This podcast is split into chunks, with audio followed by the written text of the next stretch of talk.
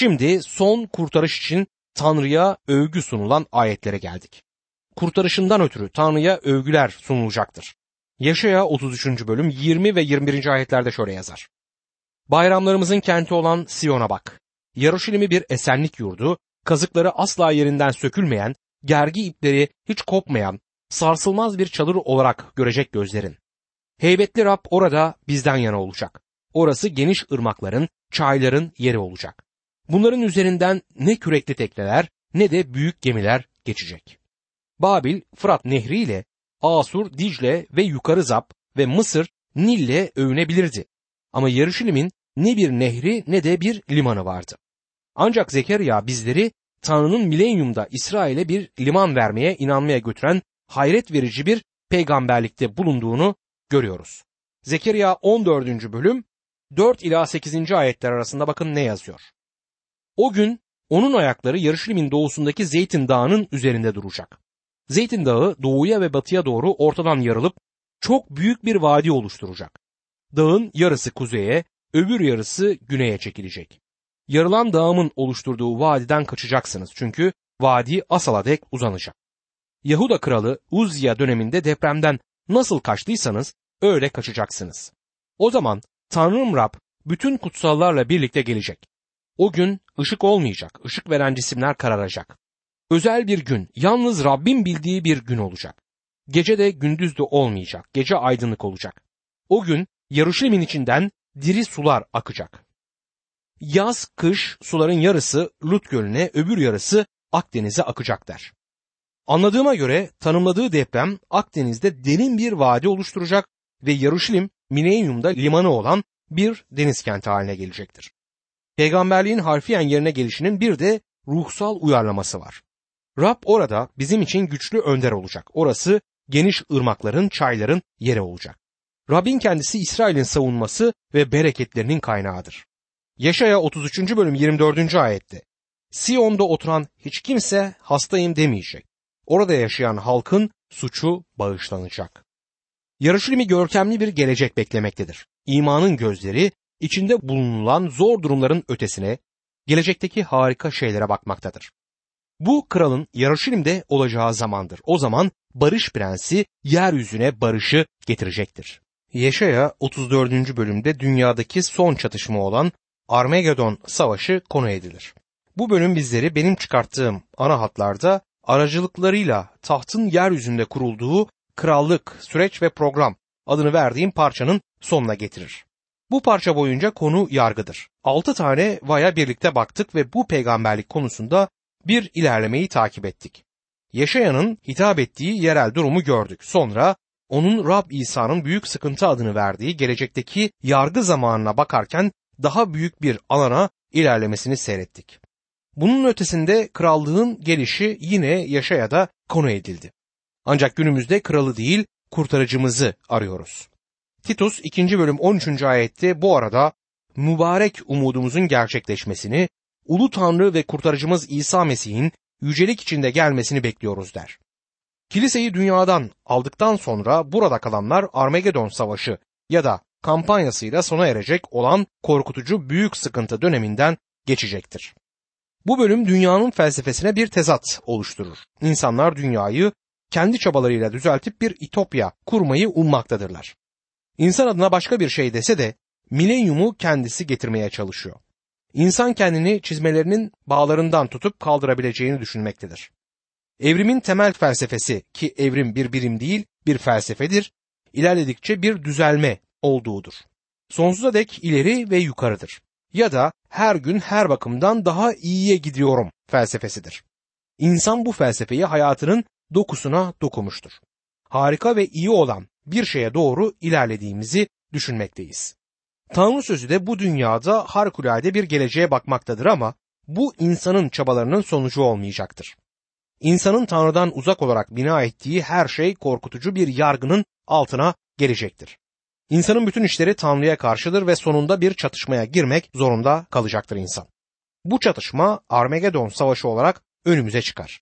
İnsanın günahı sonunda kendisi için bir krallık yaratmaya çalışacak olan günah adamının öncülüğünde ilerleyecektir ve bu krallıkta büyük sıkıntı döneminde olacaktır. Bu ancak Mesih'in kendi krallığını kurmak için dünyaya gelişiyle son bulabilir. Bu bölümün tamamen geleceğe baktığını hatırlatmak isterim. Asurlu yok olmuştur. Dilitz bizler tarihin sahnesinden alınıp son şeylerin ortasına götürüldüğümüzü düşünüyoruz demiştir ki bence bu doğru. Ve bu bölümler Yaşayan'ın 40. bölümünden kitabın sonuna dek yükseldiği yükseklere giden son adımlardır. Asur'un düşüşünden sonra ufukta yine karanlık toplanmaya başladığında Yaşaya kendi zamanından kopmuş her şeyin sonu olan döneme gitmiştir. Bütün bunların yolunu hazırladığı Tanrı'nın beden alıp insan olarak dünyaya gelişinin gizemi vahyedilmektedir. Yaşaya 34. bölüm 1. ayette Ey uluslar! işitmek için yaklaşın. Ey halklar! Kulak verin dünya ve üzerindeki herkes. Yeryüzü ve ondan türeyenlerin hepsi işitsin der. Yaşaya 1. bölüm 2. ayette Tanrı halkı İsrail'i yargılanışına tanık olmak üzere göğü ve yeri çağırmaktadır. Bu bölümde Tanrı uluslara göndereceği son yargısına tanıklık etmek üzere sadece yeryüzündeki ulusları çağırır. Yaşaya 34. bölüm 2. ayette Rab bütün uluslara öfkelendi.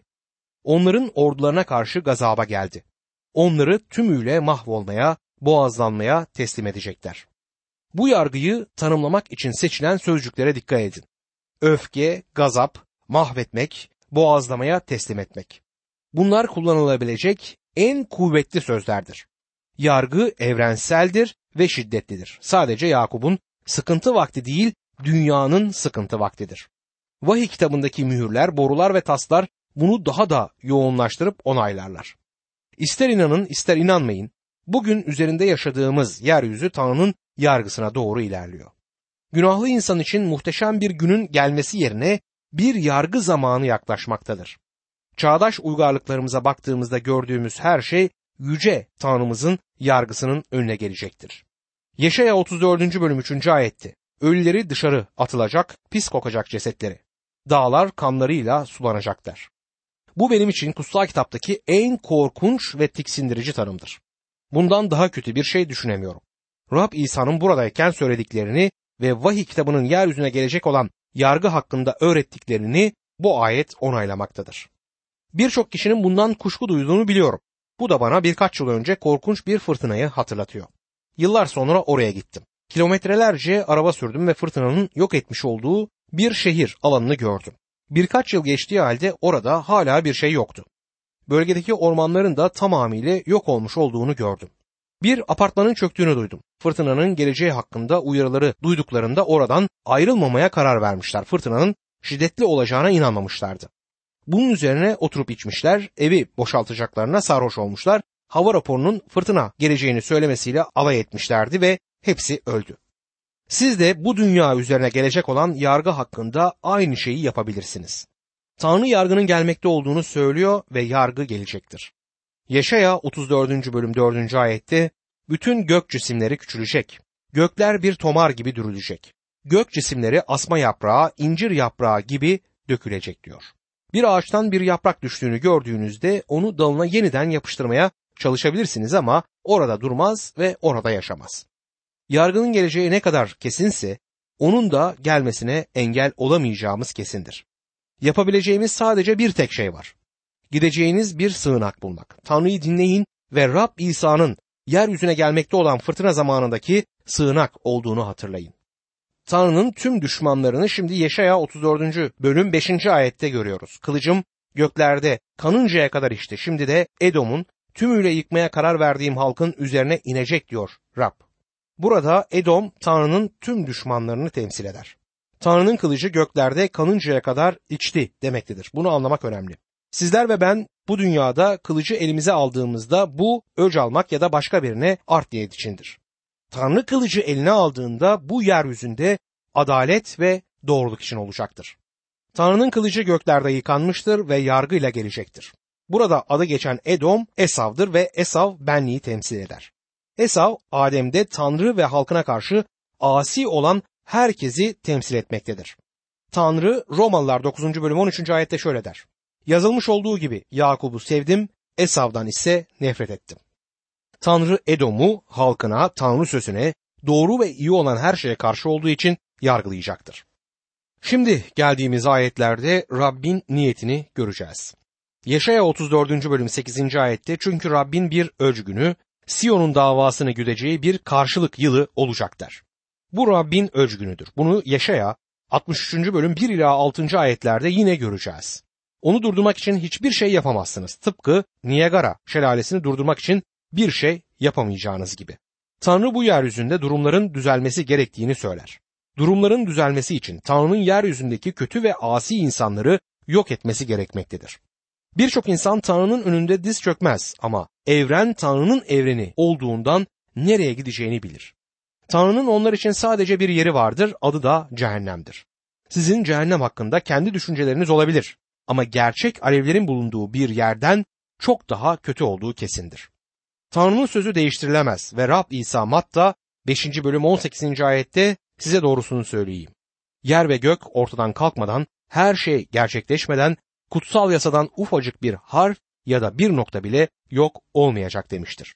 Dostum hava raporunu dinleyip fırtınanın geleceğini duyunca gerekli hazırlıkları yapmak akıllıcadır. Yaşaya 35. bölümde milenyumun bereketleri ve krallığın resmi bulunur. Bu bölüme gelirken Armagedon savaşının her şeyin sonu olmadığı için Tanrı'ya teşekkür edebiliriz. 35. bölüm şiirsel bir mücevher gibidir. Yargıyla ilgili parçanın sonu olan bu bölümde şiirsel bir yargı görülecektir. Yargının ateşleri şimdi yanmış ve yargı kılıcı kınına konmuştur. Dünyanın sıkıntılarının akşamı sona ermiş ve milenyumun zevklerinin sabahı gelmiştir. Bu bölüm acı çekmeden huzura, geceden şafağa, yargıdan kurtuluşa, gözyaşlarından sabahleyin sevinç aracılığıyla gelen huzurun yüksek noktasıyla son bulacaktır. Bu bölümdeki sakinlik bundan önceki ve hatta daha önceki bölümlerinde yargı fırtınalarıyla bir tezat oluşturmaktadır. Ezgiler ezgisinin yazarıyla birlikte kış sona erdi. Yeryüzünde çiçekler açtı diyebiliriz. Önce maddesel yeryüzünün yenileceğini ve günahın lanetinin kaldırılacağını bu bölümde okuyoruz. Bu yeryüzünün bedeni gibidir. Yeşaya 35. bölüm 1. ayet şöyle der. Çöl ve kurak toprak sevinecek. Bozkır coşup çiğdem gibi çiçeklenecek. Günümüzde dünyanın çöllerinin her yıl daha çok büyüdüğü duyuluyor. Çöller küçülmez, kuraklık ve toprak erozyonu bu süreci hızlandırmaktadır. Günümüzde kirlilik yeryüzünü doldurmuştur. Bunların hepsi milenyumda değişecek. Hava kirliliği kalkacak ve günahın laneti de ortadan kalkacaktır. Çölde güller açacaktır diyen bildik ayet yeryüzünün geleceği hakkında uygun ve mutlu bir resmi bize iletir. Eğer çöl olan bir bölgeyi biliyorsanız bu söz sizi etkileyecektir. Bu ana hatları kuraklığın çok şiddetli olduğu ve büyük otlakların kum fırtınaları tarafından mahvedildiği bir çölü geçerken çıkarttım.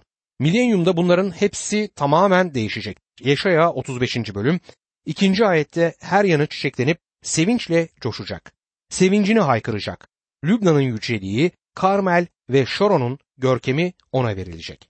İnsanlar Rabbin yüceliğini, Tanrımızın görkemini görecek diyor. Elçi Paulus bizlere yaratılışın inleyip doğum ağrısı çektiğini Romalılar 8. bölüm 22. ayette söylemiştir. Ancak milenyumda yaratılış sevinecektir. İnsan yenilecek. İnsanların bedenleri, psikolojik kısımları yenilecektir. Bu yeryüzünün canı gibidir. Yaşaya 35. bölüm 3. ayette gevşek elleri güçlendirin, pekiştirin çözülen dizleri diyor. Yaratılış bizim yeni bedenlerimizi almamızı bekler. Yaşaya 35. bölüm 4. ayette yüreği kaygılı olanlara güçlü olun korkmayın deyin. İşte Tanrınız geliyor. Öc almaya, karşılık vermeye geliyor. Sizi o kurtaracak. Yargı fırtınasının ortasında Tanrı'nın halkı sevinebilir. Çünkü Tanrı'nın gelip kendilerini kurtarabileceğini bilecekler. Kilise büyük sıkıntı zamanını hiçbir zaman yaşamayacağı konusunda ek, umut ve sevince sahiptir. Yaşaya 35. bölüm 5 ve 6. ayetlerde. O zaman körlerin gözleri, sağırların kulakları açılacak. Topallar geyik gibi sıçrayacak, sevinçle haykıracak dilsizlerin dili. Çünkü çölde sular fışkıracak, ırmaklar akacak bozkırda diyor. Hastalık ve bütün rahatsızlıklar insanın günahının sonucudur. Krallıkta bunlar ortadan kalkacaktır. Yaşaya 35. bölüm 7, 8 ve 9. ayetlerde ise kızgın kum havuza, susuz toprak pınara dönüşecek. Çakalların yattığı yerlerde kamış, saz ve ot bitecek. Orada bir yol, bir ana yol olacak. Kutsal yol diye anılacak. Murdar kişiler geçemeyecek oradan. O yol kurtulmuş olanların yoludur. O yolda yürüyenler bön kişiler de olsa yoldan sapmayacak. Aslan olmayacak orada.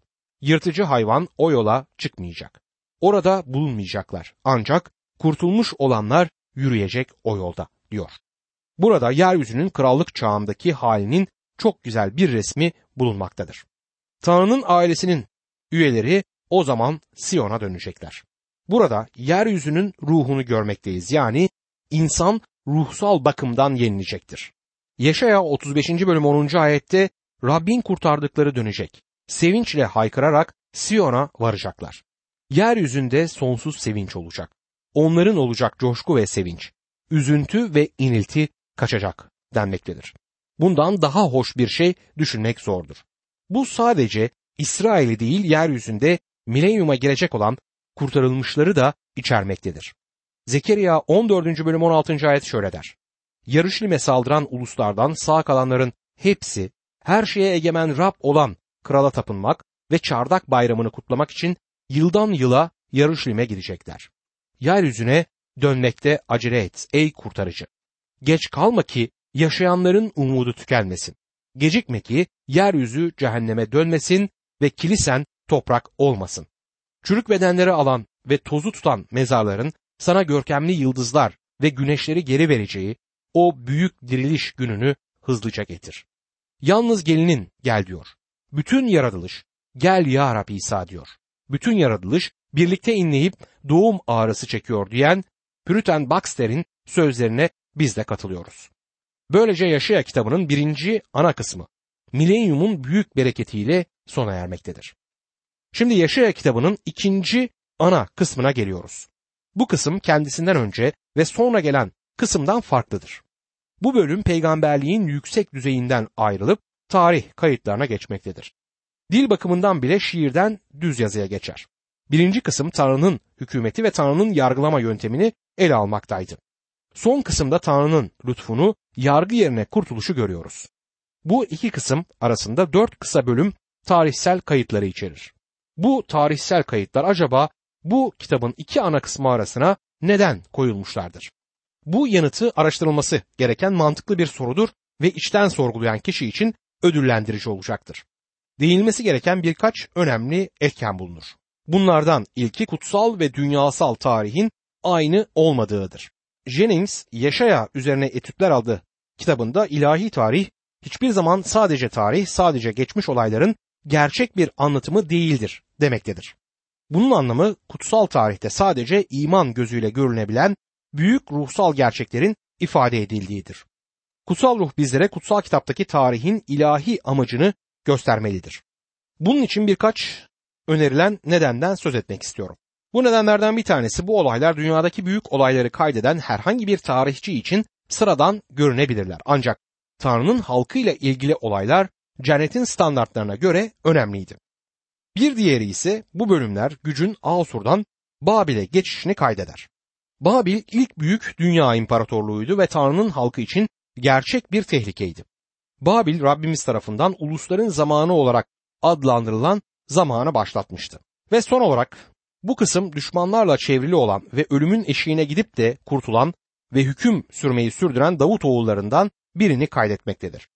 Burada kendisi düşmanlarla çevrili olan, ölüme teslim edilen ve ölümden diriltilen, egemenlik sürmek için dönecek olan büyük Davut oğluna ima etmektedir. Hiskiya Davut'un yolunda yürüyen sadece bir başka zayıf insandı. Rabbimiz Davut'tan daha büyüktü ve çarmıha gerilip dirilen Tanrı oğlu bizler için bilgelik, doğruluk, kutsallık ve kurtuluş yapılmıştır. 1. Korintiler 1. bölüm 30. ayette Ama siz Tanrı sayesinde Mesih İsa'dasınız. O bizim için tanrısal bilgelik, doğruluk, kutsallık ve kurtuluş oldu der. Bu bölüm ana hatlarında dile getirebileceğimiz başka büyük ruhsal gerçekleri de barındırmaktadır. Bunlardan biri de bu tarihsel kısımdaki ikinci önemli etkenin bu olayların kutsal kitapta 2. Krallar 18. bölüm 19. bölümde, 2. Tarihler 29. bölüm ve 30. bölümlerde ve burada Yaşaya'da olmak üzere 3 kez kaydedilmiş olmasıdır. Kutsal ruhun bunları 3 defa kaydedilmeye değer bulması kendi başına önemli bir noktayı oluşturur. Kayıtlar birbirinin aynı değildir ancak birbirine çok benzer. Bazı bilginler Yaşaya'nın her üçünün ya da hiç olmazsa Krallar kitabının yazarı olduğunu düşünmektedirler. Burada kutsal ruhun bizler için özel bir gerçek oluşturduğu kesindir ve bu da bizleri bunları çok önemli değillermiş gibi geçiştirmemeye yöneltmelidir. Bu kısa bölümde üç önemli mucize kaydedilmiştir. Bunlardan ilki ölüm meleğinin 185 bin Asurluyu öldürmesiydi. Yaşaya 37. bölüm 36, 37 ve 38. ayetlerde bunları okuyoruz. Bu ayetleri size aktarayım. Rabbim meleğe gidip Asur ordugahında 185 bin kişiyi öldürdü. Ertesi sabah uyuyanlar salt cesetlerle karşılaştılar. Bunun üzerine Asur kralı Senherib ordugahını bırakıp çekildi. Ninova'ya döndü ve orada kaldı. Bir gün ilahı Nisrok'un tapınağında tapınırken oğullarından Adrammelek'le Şareser onu kılıçla öldürüp Ararat ülkesine kaçtılar. Yerine oğlu Asar Haddon kral oldu. Şimdi bir diğer nokta ise güneşin Ahaz'ın güneş saatinde 10 derece geriye gitmesiydi. Bunu da Yeşaya 38. bölüm 7 ve 8. ayetlerde okuruz. Sözümü gerçekleştireceğime ilişkin sana vereceğim belirti şu olacak. Rab batmakta olan güneşin Ahaz'ın inşa ettiği basamakların üzerine düşen gölgesini 10 basamak kısaltacak. Böylece batmakta olan güneşin gölgesi 10 basamak kısaldı diyor kutsal kitap kayıtları bize. Tanrı'nın Hiskia'yı iyileştirmesi ve hayatını 15 yıl uzatması da yine Yaşaya 38. bölüm 1 ila 5. ayetlerde bize aktarılır. O günlerde Hiskiye ölümcül bir hastalığa yakalandı. Amos oğlu peygamber Yaşaya ona gidip şöyle dedi. Rab diyor ki ev işlerini düzene sok. Çünkü iyileşmeyecek öleceksin. Hiskiye yüzünü duvara dönüp Rab'be yalvardı. Ya Rab yürekten bir sadakatle onun önünde nasıl yaşadığımı, gözünde iyi olanı yaptığımı anımsa lütfen. Sonra acı acı ağlamaya başladı. Bunun üzerine Rab Yaşaya'ya seslendi. Git Hiskiye'ye şunu söyle. Atan Davut'un tanrısı Rab diyor ki, duanı işittim, gözyaşlarını gördüm. Bak, ömrünü 15 yıl daha uzatacağım. Bu kısım Asur'la başlayıp Babil'le son bulur. Hiskiye'nin almış olduğu iki önemli mektup vardır bu bölümde. Bunlardan birincisi Asur'dandı. Hiskiye bunu direkt olarak duada Tanrı'ya sundu. Tanrı duasını yanıtladı ve halkını Yaşaya 37. bölüm 14 ila 20. ayetlere göre kurtardı. İkinci mektup Babil kralındandı. Bu Hiskia'nın gururunu okşamıştı ve bu mektubu duada Rab'be götürmedi. Bu da sonuç olarak Yahuda'nın yıkımını Yaşaya 39. bölüm 1 ila 8. ayetler arasına göre getirdi. 36. bölüm Hiskiya ve Asur kralı Senherib'in istilasından söz etmektedir. 37. bölüm Hiskiya'nın duasını ve Asur ordusunun yok edilmesini anlatır. 38. bölüm ise Kral Hiskiya'nın hastalığını, duasını ve iyileşmesini anlatmaktadır. 39. bölümde Kral Hiskiya'nın yaptığı akılsızlığı okumaktayız.